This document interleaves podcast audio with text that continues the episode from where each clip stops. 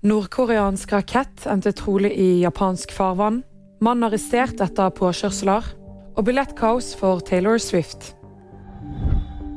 Nord-Korea gjennomførte fredag en test av en ballistisk langdistanserakett. Den falt trolig ned i havet i Japans økonomiske sone, ifølge japanske myndigheter. Det var generalstaben i Sør-Korea som opplyste om at raketten ble skutt opp rundt klokken 10.15 lokal tid. Ballistiske raketter kan utstyres med atomvåpen, og rakettoppskytninger av denne typen er derfor i strid med FNs sine sanksjoner mot Nord-Korea.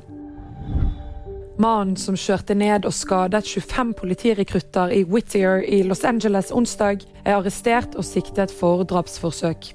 Sheriffen i LA uttalte i går at det så ut til å være en ulykke, men etter avhør av vitner og analysering av videobilder har bildet endret seg, og politiet har tatt ut siktelse.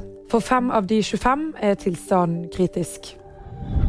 Billettsalget til popstjernen Taylor Swift sin kommende turné i USA har blitt kansellert som følge av enorm etterspørsel. Det annonserte billettleverandøren Ticketmaster på torsdag. Billettene som skulle ha blitt lagt ut, var restene etter helgens forhåndssalg, hvor fans gjennom ulike lojalitetsprogram fikk mulighet til å kjøpe billetter før de ble lagt ut i det offisielle salget. Og VG-nyheter fikk du av Hanne Sofie Andresen.